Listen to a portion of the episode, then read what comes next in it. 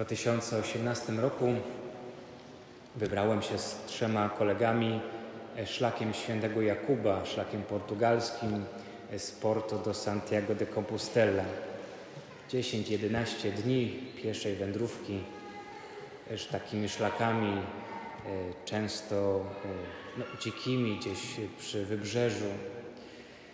Pamiętam, że kiedy szliśmy, najpierw kiedy się trzeba było spakować, ale potem, zwłaszcza kiedy szliśmy, to y, doceniłem po pierwsze, jak dobrze mam na co dzień.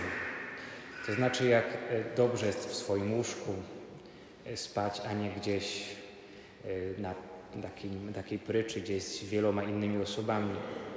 Jak wygodnie i przyjemnie jest zaparzyć sobie rano kawę i wypić jak przyjemnie jest mieć wygodny fotel i tak dalej, i tak dalej. Z drugiej strony zobaczyłem też, jak niewiele tak naprawdę jest potrzeba człowiekowi do życia i do szczęścia. E, plecak było trzeba tak spakować, żeby dało się go udźwignąć. Siłą rzeczy trzeba było rezygnować z tego, co, co było naprawdę niepotrzebne, a zostawić tylko to, co będzie konieczne w tej drodze. Okazało się, że konieczne wcale nie jest tak wiele. Mówię o tym dlatego, że w pewnym sensie tym jest właśnie Wielki Post, który właśnie dzisiaj zaczynamy. Jest takim wyruszeniem w drogę.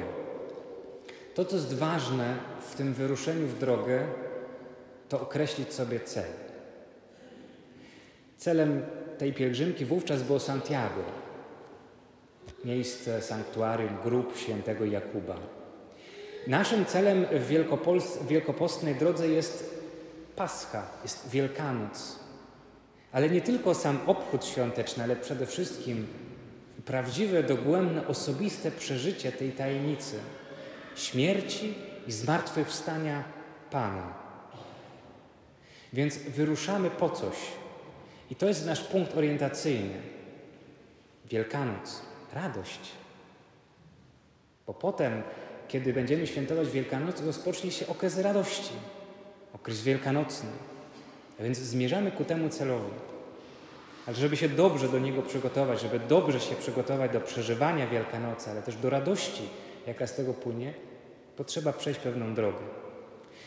Na tej drodze będziemy różnych rzeczy doświadczać. Tak jak podczas tej pielgrzymki e, szlakiem portugalskim Czasami się zastanawiałem właściwie po co. Po co ten trud? Po co iść? Po co się zmagać?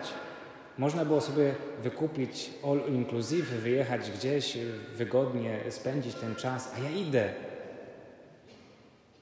I jeszcze ktoś tam w tej sali, w tym albergu, w tym schronisku, gdzieś ktoś chrapał, potem ktoś gdzieś hałasował, Potem łóżko było niewygodne, nie było ciepłej wody. Po co?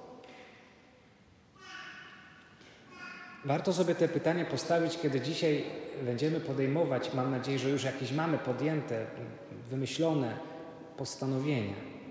Kiedy będziemy uczestniczyli w nabożeństwach, drogi krzyżowej, gorzkiej żali, kiedy będziemy uczestniczyli w rekolekcjach, kiedy będziemy różne rzeczy podejmować w tym czasie Wielkiego Postu, to warto sobie stawiać to pytanie, po co ja to robię? Bo przecież nie chodzi o to, żeby zaliczyć. Nie chodzi o to, żeby na końcu powiedzieć, no to czy tamto mi się udało. Post. Dzisiaj jest bardzo popularny post, ale w zupełnie innym rozumieniu. Post przerywany, który jest jedną ze składowych diety. Kiedy ma się okienko żywieniowe i w tym czasie spożywa się określoną ilość kalorii, a poza tym okienkiem się nie je, a więc zachowuje post. Podejmuje się to wyrzeczenie, dodaje się do tego pewne ćwiczenia, po to, żeby osiągnąć efekt. Poprawić sylwetkę, zrzucić zbędne kilogramy. Kiedy przekonamy się, że ten trud jest wart bo rzeczywiście udało się schudnąć, udało się poprawić sylwetkę, to towarzyszy nam radość, ale więcej. Myślimy sobie, warto teraz zadbać o to, żeby to utrzymać. I znowu Wielki Post właśnie temu służy. Podejmujemy pewne umartwienia, post, jałmużnę, pokutę. Właśnie po to, żeby osiągnąć potem ten efekt, żeby zobaczyć na końcu, że warto było się postarać, bo się okazało, że możemy być lepsi, możemy się poprawić w czymś, możemy zrobić krok do przodu i więcej zobaczymy, że skoro żeśmy to osiągnęli, to warto to podtrzymać. Że Wielki Post nie skończy się, czy Wielkanoc jak przyjdzie, to się nie skończą wszelkiego rodzaju nasze e, postanowienia. One się może zmienią, ale stwierdzimy, warto utrzymać to, co osiągnęliśmy. To, co jest istotne, żebyśmy pamiętali o tym punkcie odniesienia. On nam będzie także pozwalał zachować właściwy balans, ale też właściwy nastrój. Zobaczcie, jak mocno Pan Jezus podkreśla, żebyśmy nie byli posępni. Pokuta, post, grzech, jak my tak tego słuchamy, jeszcze popiół zaraz na głowę, czujemy się tacy przyciśnięci do ziemi, tacy smutni. Ale to wszystko nie jest po to, żebyśmy się czuli smutni. Wręcz przeciwnie. Po to, żebyśmy się poczuli obdarowani. Bo kiedy zdajemy sobie sprawę, jak jesteśmy w gruncie rzeczy słabi, grzeszni, i odkryjemy, jak bardzo Bóg nas kocha pomimo tego wszystkiego, to jest właśnie wtedy radość, prawdziwa radość. Chrześcijaństwo jest wiarą, religią obdarowania.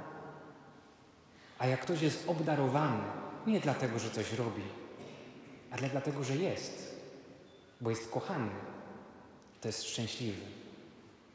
Dlatego nawet mimo postu chrześcijanin i tak pozostaje szczęśliwy, ponieważ wie, że robi to ze względu na swojego Pana, którego kocha, Boga, którego kocha. Dlatego Pan przestrzega przed posępnością, bo mówi, jeśli będziecie tacy posępni, tacy smutni w tym wszystkim, tacy ojejku, że ja muszę tyle nastarać, to znaczy, że to nie jest chrześcijaństwo. Nie o to chodzi. Właśnie chodzi o to, żeby to wszystko tak podjąć, żeby doświadczyć tej radości, że mnie to przybliża do Boga. Podejmijmy więc ten czas Wielkiego Postu, który dzisiaj rozpoczynamy, właśnie w takim duchu, że tu nie chodzi ani o zaliczenie czegokolwiek, ani o jakieś nie wiadomo jakie umartwienie. Tu chodzi o to, żeby wyruszyć w drogę i na końcu tej drogi spotkać Pana i się tym ucieszyć. Amen.